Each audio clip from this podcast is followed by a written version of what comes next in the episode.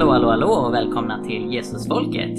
Mitt namn är Mikael Grenholm Mitt namn är Sara Grenholm. och med oss på videolänk så har vi Joel Halldorf. Hej Joel! Välkommen. Varmt välkommen till Jesusfolket. Tack så hemskt mycket, vad roligt att vara här.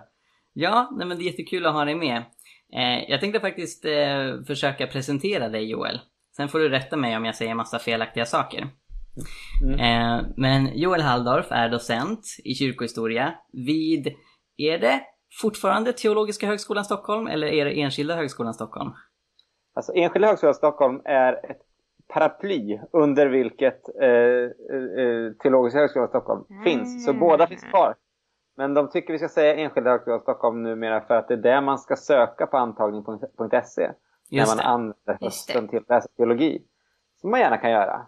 Vad bra att jag fick säga det. Ja, ja verkligen, verkligen. Toppenbra. Bra. Och sen förutom det så är du ju ledarskribent på tidningen Dagen, kulturskribent på Expressen. Eh, Du har författat och medförfattat många böcker inklusive Gud och återkomsten och Biskop Levi Petrus som jag nyss läste ut, den var bra. Tack. Eh, och sen så driver du Läsarpodden tillsammans med Patrik Hagman. Mm. Med mera, med mera. Eh, det känns som det går att säga mycket. Ja, men det var väl en av de fylligare presentationer jag har fått. ja men Det tycker toppen. jag. Och det var korrekt också. Tack Ja det. men jättefint. Det var så. Eh, Joel, vi har ringt upp dig för vi skulle vilja prata lite med dig om eh, vilka frågor som coronakrisen växer. Eh, och du har ju skrivit en hel del om det här både i Dagen och Expressen. Eh, du skrev en kulturartikel i Expressen eh, som hade titeln Människans dödlighet är 100%. Mm. Eh, och som eh, argumenterade för att eh, flera av de här politiska besluten som vi har sett runt om i världen som tas för att skydda människor från pandemin eh, kanske motiveras av, av dödsångest till viss mån. Och det var en ganska intressant vinkel som jag inte sett så många andra argumentera för. Vill du utveckla lite? Hur, hur tänker du där?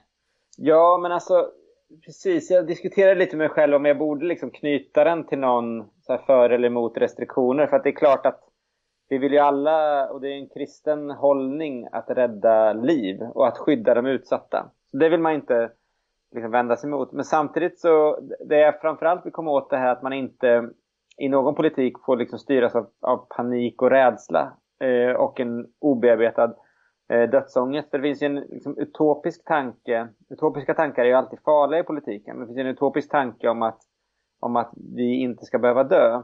Och, och, och, och, och att politiken skulle kunna ge oss ett sånt löfte.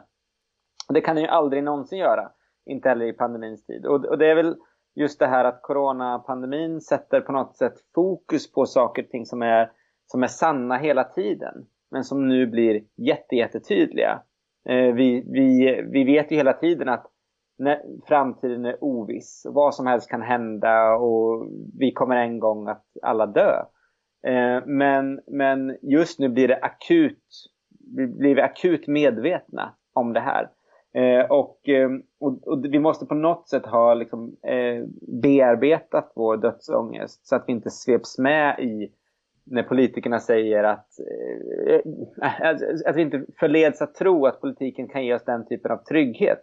För då kommer vi också börja kanske ge bort andra saker som är viktiga. Vår frihet och Eh, ett öppet samhälle och sådana saker. För att det är klart att eh, om vi gör samhället mer styrt och kontrollerat kommer vi, man kommer kunna liksom motivera det med hänvisning till trygghet. Och det har vi sett mycket i diskussioner kring terrorism tidigare. Där man har stängt, där man har liksom gjort mer övervakning av, av privatpersoners liv med hänvisning till att man skyddar oss från terror, terror, terrordåd på det sättet. Eh, och jag tycker det är alltid farligt när politiken drivs av rädsla.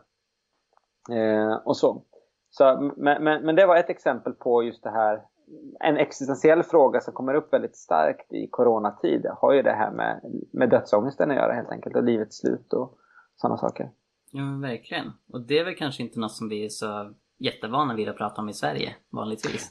Nej men det är ett av de sista tabuna och ett som har blivit mer tabu så att säga med, med, jämfört med äldre tider då ju döden var mer tam som en del forskare säger. Alltså det var någonting som, som hörde till livet och den döde låg, man dog hemma och den som hade dött låg hemma innan begravningen och så. Nu är ju allt detta flyttat till institution och döden har blivit något främmande och vi har inte heller ganska, ganska få av våra officiella filosofier liksom har ett sätt att hantera den här frågan om, om döden. Kanske kan prata om mening och kärlek och vänskap och så, men döden, det, det liksom, där har ändå kristendomen en, en förmåga att ge, ge en tröst och så som, som få andra liksom, eh, av de sekulära moderna livsåskådningarna har. Eh, och därför med, med sekulariseringen så blir det, om man säger naturligt, att vi blir mer, mer, mindre bekväma att tala om döden. Det var ju väldigt roligt när podcasten Sigge Eklund eh, och Alex och Sigge konstaterade ju att alla så svenska, eller många svenska medieföretag var väldigt noga det, det är en för allvarlig tid för att vi ska skämta på första april. Minns ni det? Mm. Och tidningar som ljud, i år, inga skämt, det här är för allvarligt. Men Dagen och Sändaren och Svenska kyrkan, alla körde på som vanligt. Och Sigge liksom, tolkning var att ja, men det här beror på att de har, liksom, de har bearbetat traumat döden på ett annat sätt. Och jag tror att det stämmer, mm, att det finns något i det. Och då liksom, ja ja men vi kommer, liksom folk, vi, alltså det är en del, det blir på något sätt en del av livet men inte på samma slutgiltiga sätt då heller, när man har en kristen syn på det. Mm. Mm. Ja, verkligen. Och det var ju många roliga aprilskämt tyckte jag. Ja, det var Ekumenia kyrkans doftgranar och allt möjligt. ja, eh, sändaren sa ju att om de skulle skaffa en evangelistrobot, flera evangelistrobotar, men en av dem hette ju Mikael och, och skulle vara AI-apologet. Tyckte jag var kul. ja, nej, men jag, jag, tycker det är jätteintressanta tankar Joel. Eh, och samtidigt, alltså nu, nu blir det här väldigt spekulativt, det kanske inte har med varandra att göra. Eh, men Sverige är ett land som inte pratar så mycket om döden kanske i kontrast till andra länder i Europa. Jag vet inte om det är i katolska länder att döden är mer närvarande. Eh, och samtidigt sticker Sverige ut lite grann i just responsen till eh, coronaviruset. Mm. Som sagt, det beror ju inte på en sak. Men möjligtvis, jag vet inte, gör, gör, gör vår distansering till döden också kanske att vi har dämpat dödsångest i Sverige jämfört med andra länder? Jag vet inte. Ja, det är en jättebra fråga man märker ju det, det var någon som, jag tror Anita Goldman som skrev det här att det går så fort nu i vad man tänker och sådär. Och, och det man skrev för en vecka sedan, sedan känns passé. Eh, liksom, I början av coronapandemin så pratade man ju mycket om det här med bunkring. Då mm. såg vi ett ganska själviskt beteende. Mm. Eh, sen så under några veckor så, så var det liksom, hela temat för diskussionen var ju solidariteten. Vi, så, mm. vi såg väldigt solidariskt beteende och pratar mycket om det. Inte minst sjukvårdare och andra människor och människor som anmäler sig frivilligt för att hjälpa till i vården och sådana saker. Eh, och nu så pratar vi kanske mer om själviskhet i det att man inte bryr sig om restriktioner. Alltså, det, det svänger liksom nästan vecka från vecka vad som är temat för samtalet, vad som är känslan inför samhällsresponsen och sådana saker. Och, och, på samma sätt när jag skrev den här artikeln så, så visste jag ju inte att Sverige skulle gå in på en väg som var som du säger, annorlunda än många andra. Och det är, det är klart att det är ett stort mysterium varför Sverige har valt den här vägen. Och om man ska lägga, anlägga en, en liksom kyrkohistorisk take på det mm. så, så finns det någonting i att den svenska modellen har ju varit väldigt mycket att, eh, att jobba liksom nerifrån och upp. Alltså vi har ju varit ett samhälle där demokratin eh, drevs på väldigt starkt av folkrörelserna.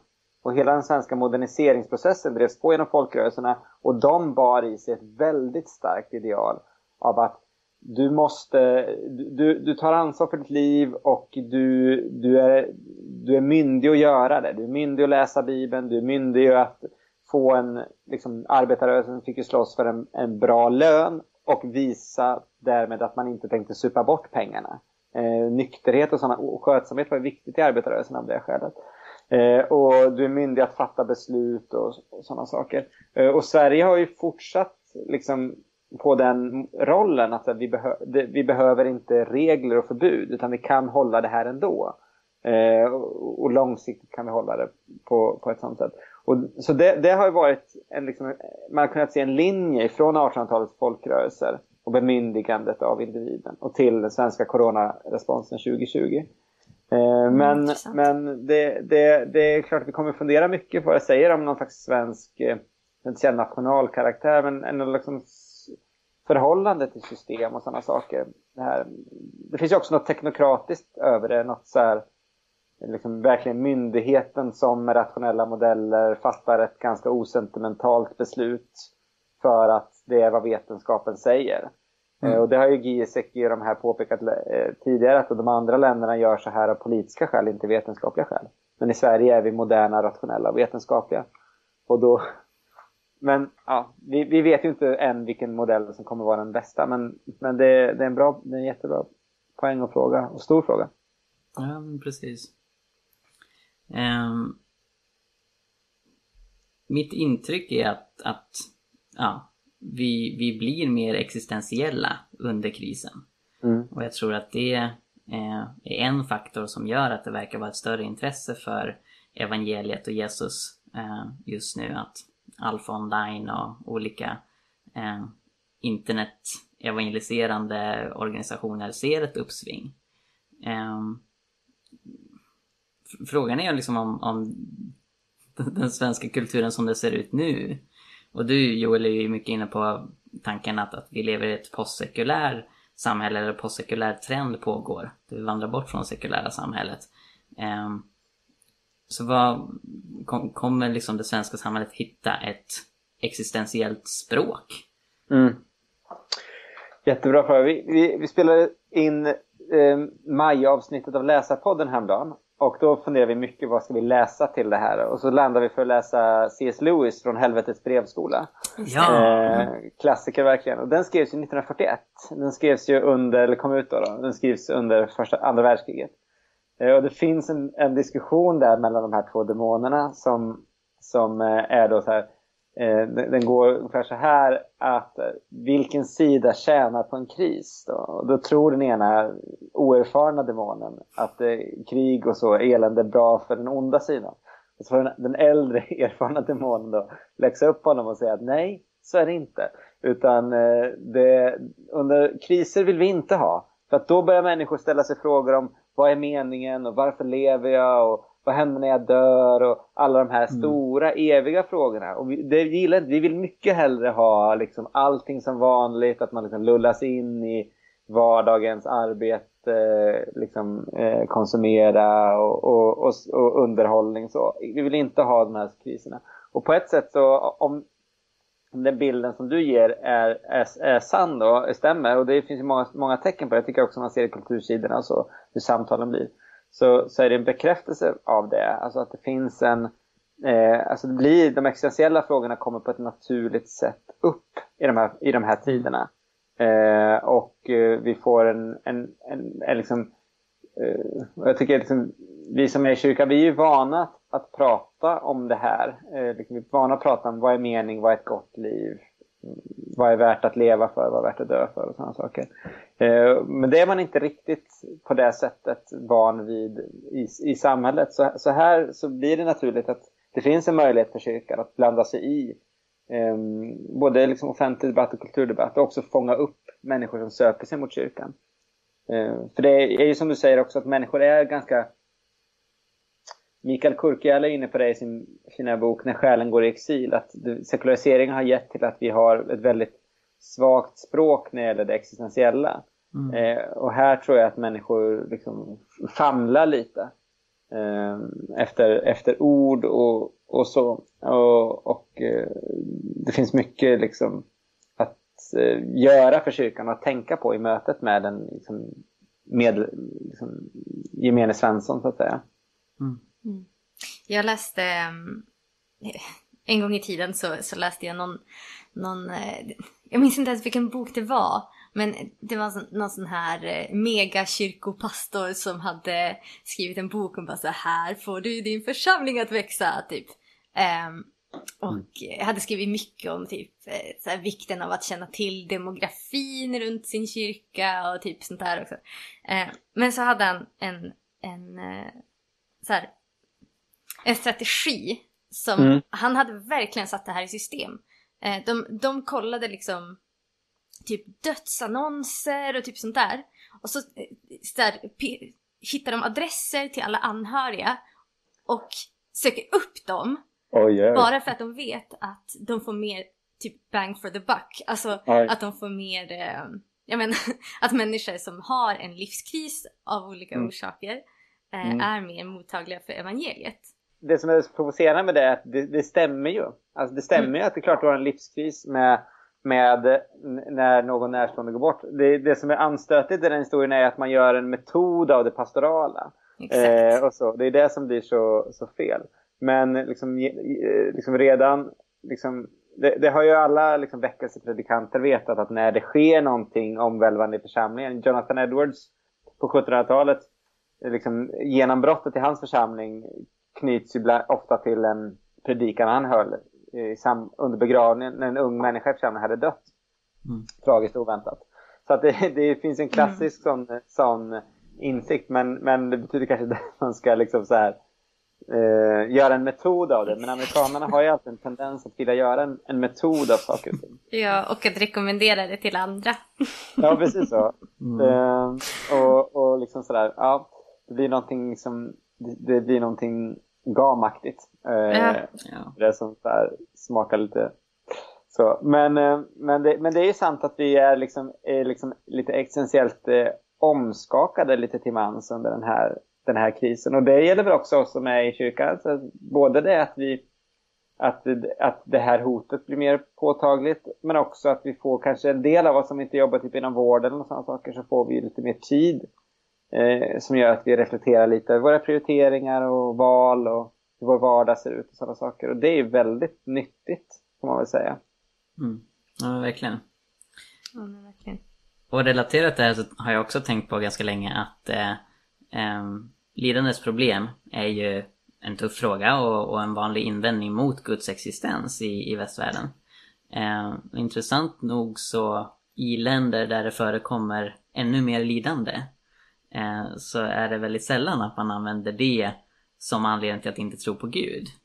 Eh, sen kan det fortfarande vara en tuff fråga för folk varför mm. uppleva så mycket lidande men det verkar som att det var när Europa hade blivit betydligt rikare genom kolonialismen och sen så drabbades Lissabon av en stor jordbävning. Eh, mm. Och Lissabon var symbolen för liksom, den, den koloniala supermakten Europa. Eh, det var först då som, som Lidens problem som filosofisk invändning mot Guds existens slog igenom på allvar. Mm. Och på något sätt anknyter det till det här att, att, när, att det, det liksom kriser behöver inte leda till att, att människor tar avstånd från Gud utan det är kanske mer att när man förväntar sig eh, rikedom och välgång och välstånd som någon slags rättighet och så plötsligt så, så krossas den bilden så får man stora teologiska problem jämfört med när man vet att det här livet innehåller mycket lidande och så håller man ändå ut i tron på Gud så, så blir inte lidande på samma sätt en anledning till att tvivla på Guds existens. Ja men absolut, jag kan bara understryka den historiska bilden att eh, det är klart att frågan varför får de rättfärdiga lida har alltid ställts men det blir inte alls ett lika akut problem förrän, eh, som du säger, 1700-talet, framför 1800-talet där. Eh, brukar man peka ut som en... Då, då, då människan börjar liksom kunna också eh, bli av med visst lidande genom moderna framsteg och undrar då varför Gud inte har gjort ett bättre jobb med världen. Eh, så. Men det är en väldig skillnad på lidandets problem som ett filosofiskt problem. Eh, då kan man liksom diskutera fram och tillbaka och, och, det, finns, det finns svårigheter och så. Och just detta, alltså kristendomens svar inom citationstecken eh, som en existentiell tröst. Och, det är, och, och, Guds svar är ju att delta i lidandet. Att eh, själv kliva in i världens tragedi Eh, och, och ta den smärtan på sig, att inte passivt stå vid sidan. Och här finns det någonting som genom hela historien har varit en, en styrka i kristendomen, att den, att den, liksom, den lidande är inte förbannad och övergiven av Gud. Så som man liksom trott i många religioner och trosystem. Utan det Jesus visar är att Gud är aldrig så nära eh, som eh, hos en människa som lider.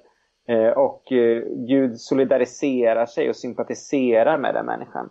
Eh, och tar, tar den människan till sig på ett särskilt sätt.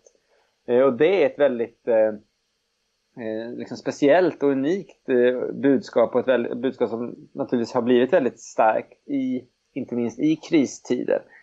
och, och jag har tänkt på det också med coronadöden som ju är hemskt på många sätt. Men man, många dör ensamma av smittoskäl. Och, Mm. Man kan inte andas och så. Det är ju rent konkret en död som också liknar Jesu död.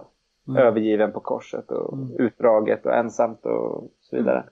Mm. Och där finns det någonting, någonting ändå att liksom tänka på i den här tiden, att inte heller det här lidandet är liksom ett mörker där Gud inte själv har varit. Mm.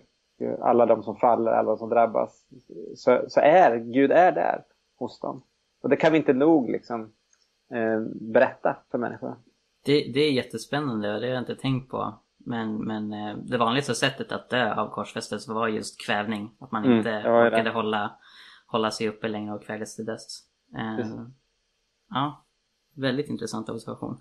Mm. Eh, du har också skrivit i Dagen den 4 mars eh, ledarartikeln Coronaviruset visar att religionskritikerna har fel. Just det. Där, där du riktar en liten slägga mot eh, Martin Hägglund som är litteraturvetare, mm. ateist, verksam i USA. Eh, och han kom ut förra året med boken This Life. Jag försökte beställa den för ett tag sedan men, men eh, lyckades inte, den var slut.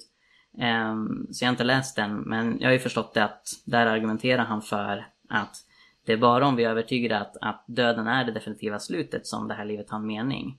Att mm. tron på livet efter detta eh, tömmer det här livet på sin mening. Eh, och han menar därtill att det är genom att sluta tro på ett liv efter döden som vi eh, kan engagera oss för en bättre värld. Mm. Eh, och det är inte en helt ny tanke. Eh, det är lite you get pie in the sky when you die. Ja, nej men precis, precis. Eh, och du menar ju då i den här artikeln att coronakrisen har utmanat Hägglunds övertygelse. Mm. Skulle du vilja berätta lite varför du tror det? Ja men precis. Nej, men alltså, jag, jag läste Hägglunds i bok i förra sommaren och vi pratade om den i läsarpodden också för övrigt mer utförligt för den som vill, vill ha det. Och, och den, den bygger ju på det här argumentet. Man säger att liksom, bara om livet är, tar slut eh, här så, så, så kommer vi dels liksom värdera det verkligt och dels också liksom motiveras att förbättra det här livet. Annars så kommer vi mena att livets verkliga värde ligger på andra sidan. Och då, det här är ju inte så som människor i praktiken beter sig utan det, det stämmer ju inte med verkligheten utan det är klart att jättemånga kristna både liksom älskar sina nära, sörjer när de dör och förbättrar världen. Så redan där borde ju liksom leda Hägglund till kanske fundera lite på liksom, teori och verklighet. Så men det finns, där vill jag också, i, i den texten så vill jag också påpeka att det finns också någonting i han underkastar kristendomen en filosofisk analys som, jag, som man, man, kan komma tillbaka till då. Där han säger att liksom, det här leder till det här och det här leder till det här. Då. Och då gör jag liksom samma sak tillbaka och säger att ja, men om det nu är så att livet här och nu är liksom allt vi har och vår tid och vårt, vår överlevnad är viktigare än någonting vad är det då som säger att, vi, att det bästa vi kan göra som individer är att liksom bygga murar runt oss, gated communities, fokusera på min och möjligen min familjs överlevnad och liksom tänka de där ute får klara sig bäst de vill. Det viktigaste för mig är bara att överleva. Varför skulle man inte kunna dra en sån slutsats mm. eh, av det här? Eh, och det är inte liksom, det ser vi ju att människor i världen som har resurser eh, agerar så. Man fortsätter liksom förstöra världen och man, samtidigt investerar man i preppingbunker för sin egen del den dag liksom klimatapokalypsen kommer. Eller man fortsätter att, eh, ja, när man tänker, man, man tänker på sin egen liksom, överlevnad. Det finns såklart andra exempel också för människor är komplexa. Men, men, men det var det som jag liksom ville liksom säga i retur då. Och så kontrasterar jag med liksom många kyrkors och kristnas agerande under, under den här krisen som var solidariskt och visar att man faktiskt visst arbetar för sin nästa. Mm, så precis, precis, det var en liten eh, liksom, eh, apologetisk, eh, apologetisk inslag där. Just det. Ja men det är ju ett väldigt historielös slutsats som han har. Eh, mm. Eh, eller så här, vad, vad vore biståndet idag och vad vore eh, många länder mm. över hela världen idag om inte det vore för kristna men också religiösa överlags engagemang för eh, för fred och rättvisa och eh, andras väl. Mm. Um. Och det, jag tror att, jag tycker att Hägglund grundläggande problem är att han lägger liksom tid i centrum eh, och på något sätt erfarenhet, om man säger, att erfara saker. Eh, kristendomen lägger, sätter kärleken i centrum eh, mm. och kärleken ha, har ett evighetsvärde. Eh, så, och liksom, så, så att därför är vi alltid uppmanade att älska nu, att älska varandra, att visa kärlek, att göra kärlekshandlingar och kärleksgärningar mot varandra i diakonin och biståndet och sådana saker. Det är, liksom, det är gott för att Gud älskar världen på det sättet och det, det är så att säga eh, kärleken är på något sätt den, den högsta existensformen eh, i skapelsen. Eh, och, eh, och, och, och det eh, Eh, ja, nej men så, så det, är inte, det, det, är inte det som är, det är inte, det är inte tid och överlevnad som är liksom det centrala utan det är kärleken och det, det är också därför vi, vi med rätta sörjer om någon närstående förlor, går förlorad för oss även om vi vet att vi kommer kunna möta den här personen i himlen eller vi har det hoppet då. Eh, så, så är det också så att vi skulle vilja vara med den personen nu. Alltså mm. vi, eftersom det här är en människa som vi älskar så skulle vi vilja vara tillsammans med den här personen nu. Vi skulle vilja dela erfarenheter och liv och, och saker med den personen. Och det kan vi inte göra när en person är död. Och därför sörjer vi. Och det är liksom också, förutom att det är djupt mänskligt att göra det, så är det också teologiskt riktigt att göra det. För att en chans, någon som vi älskar har, har tagit ifrån oss. Så jag, jag, nej, jag tycker att Hägglund... Eh, eh det är en intressant tes liksom på något sätt. Man tvingas reflektera själv som teolog men jag tycker inte att han har rätt helt enkelt. Mm. Jag, tycker det är så bra och kärnfullt uttryckt att han sätter tiden i centrum och kristendomen sätter kärleken i centrum. Mm. Eh, jag får lite intrycket att du är någon form av svensk Barack Obama. En sån one-liner-maskin som bara slänger ut massa intressanta observationer på ett kort och koncist sätt. Eh, ta, jag tackar för komplimangen. Ja, varsågod. eh, sen skulle vi också vilja prata lite med dig om eh, individualism. Mm.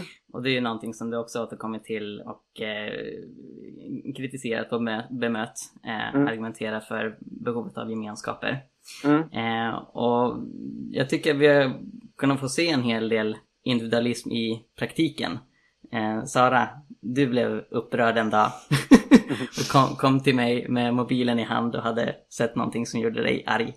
Mm, och sa, kan vi prata om stockholmare?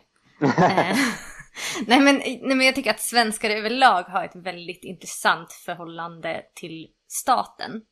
Eh, att man så här, å ena sidan eh, ja, men så här, tror, tror, att, tror att pappa staten ska lösa allt. Eh, men å andra sidan också Eh, är så extremt individualistiska och inte fattar att vi typ är del av en samhällskropp. Um, och, nej men, och jag bara läste på SVT, eh, SVT Nyheter om eh, det, ja, det var någon journalist som hade gjort, en, hade gjort intervjuer med några stockholmare som, som typ, jag tror de var ute på en krog eller, eller någonting så här, med många människor på samma plats på liten yta. Eh, och de gick fram och frågade, hej varför lyder inte ni rekommendationerna? Eh, och de bara, ja ah, men alltså jag tror på det här med flockimmunitet. Eh, och jag bara tycker det är så intressant att sätta så mycket eh, fingret på, på den svenska extrema individualismen. Mm. Att man tror att jag som individ kan välja samhällets strategi som är bäst för mig. Eh, och så beter man sig efter det istället för att eh, ja, så blir man, sig lite. blir man sin egen statsepidemiolog och ja, exakt. går, du alla, på, går alla du på Twitter experter. tillsammans med alla andra 50 000 statsepidemiologer som finns där. Förklara hur det ska vara. Ja, ja det är säkert ett jätte så här, kvalificerat uttalande från den stockholmaren också. Att han hade säkert koll. Mm. Eh, ja, men, men individualismen Alltså för att å ena sidan så är ju coronakrisen en tid då vi isoleras från varandra. Eh, och det är vi ganska duktiga på i Sverige, vilket mm. är kanske bra i den här tiden mm. på ett sätt. Eh, men å andra sidan så, så är det en tid då människor verkligen skriker efter gemenskap och kommer på en massa eh, intressanta sätt att ha gemenskap trots att man inte träffas. Jag tänker så här att vi, corona, liksom, vad, vad, vad kommer efter corona? Eh, den frågan ställer vi oss alla. Liksom. För, när tar det slut och hur blir det sen? Um, och ingen av de frågorna har vi svar på. Men när det gäller så här, vad kommer sen-frågan så står vi inför så många vägval, tänker jag. Alltså, eh, det skulle kunna bli så att vi vi går visare och klokare ur det här. Och vi har insett att eh, liksom, vi har stressat för mycket innan. Vi ska ta vara på att ha ett lite lugnare liv.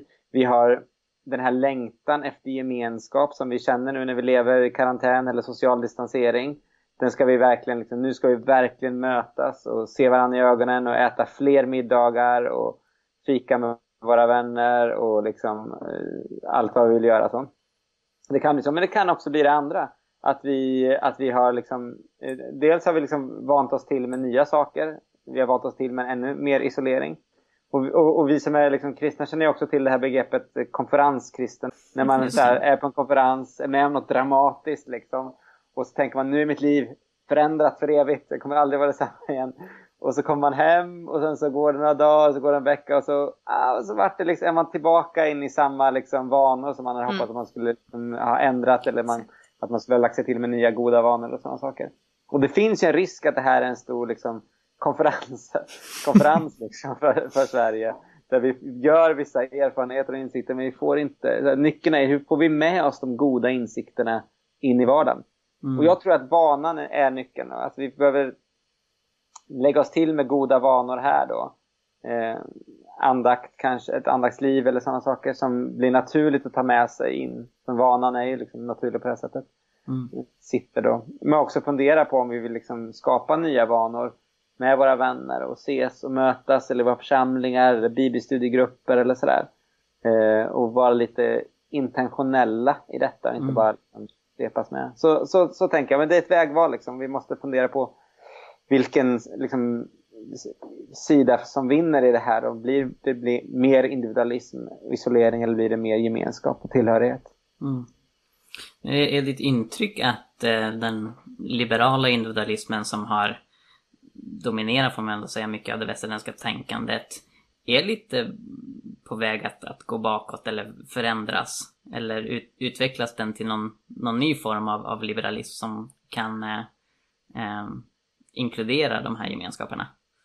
Ja, alltså en bra fråga. Man kan säga de här debatterna som vi, vi har, eh, jag har med, med, en del, då betonar jag ju gemenskap och relationalitet mycket. Och då säger ju liberaler också, ja men det där betraktar vi också som det allra högsta. Eh, och det är också det vi, men vi menar att det åstadkoms genom att människan blir, blir helt fri och får rättigheter och sådana saker. Eh, och, och, och, att vi inte ändrar samhället någonting. Då. Jag, jag menar ju, ja, och, och, och, det är väl bra att de säger att det är det högsta, att de, liksom, att de också sätter det på, på liksom dagordningen. Då kan vi diskutera istället då det mer konstruktiva, hur skapar vi ett samhälle och ett samhällsklimat och ett kulturklimat som gynnar gemenskap och som, som liksom, eh, gynnar liksom att människor fattar, gör, gör, gör goda val av det här sättet och att inte att inte staten eller byråkratin eller sådana saker ställer sig i vägen för det. Mm. det och där kan man ju komma samman längs hela den politiska skalan. Det är ju liksom allt ifrån arbetstidsförkortning till, till andra typer av förslag är ju någonting som kan gynna mer gemenskap i samhället. Mm. mm. Och jag tror också som du är inne på det här med församlingen som vaneskapande gemenskap. Mm. Eh, och det, vi leder ju en husförsamling jag och Sara. Eh, där vi nu eh, har satt in lite extra möten, samtalsmöten via videolänk eh, om eh, hur vi kan öva oss i andakt, hur vi kan öva oss i evangelisation på nätet eller liksom i, i våra lokala eh, grannskap. Eh, för att ja, byg, bygga in eh, någonting återkommande, en rytm i livet. Yeah. Eh, och det är också någonting som man betonar mycket i eh, klostren. Eh, mm. och, och ja, men hela den kristna spiritualiteten där. Att, att mm. få in goda vanor. Eh, mm. Vilket man kanske är lite ovan vid, pun not intended, mm. eh, i karismatiska sammanhang med betoning mm. på spontanitet. Yeah. Eh, men, men någonstans finns det även i den pingstkarismatiska traditionen en hel del rytm, en hel del återkommande eh, praktiker som man ägnar sig åt ja. varje dag. Bön och bibelläsning varje dag och så vidare. Eh, Men precis så. Och det där är ju också om man tar liksom, liksom grundtexten, Apostlagärningarna 2, så är det ju så här den spontana erfarenheten som kom oväntat, ingen hade väntat sig den pingstdagen. Eh, som leder till en, en så regelbundenhet. De kom samman varje dag, står det va? Eh, och, och, vad de gör, liksom bibelläsningen, nattvarden, diakonin och sådär. Alltså det, det, det, liksom, det, leder direkt över till goda vanor som, som mm. ger en slags struktur och en ordning åt, åt, åt den första församlingen. Och där finns det inte alls den här motsättningen som vi har skapat eh, i vår tid mellan liksom det spontana, dramatiska, oväntade, eh, oorganiserade då, och det, det ordnade. Utan de liksom förstärker varandra. Jag tror att så, så behöver det vara också. Mm. Ja men fint. Mm. Har du något mer att tillägga Sara? Nej. Har du något mer att tillägga Joel? Nej men det var inte mer än att det var fint att, att samtala. Ja, eh, verkligen. Stort tack för det. Jättestort tack att du kunde ta dig tid. Ja, verkligen. Eh, Guds välsignelse i allt du fortsätter göra. Ja, men detsamma till er syskon.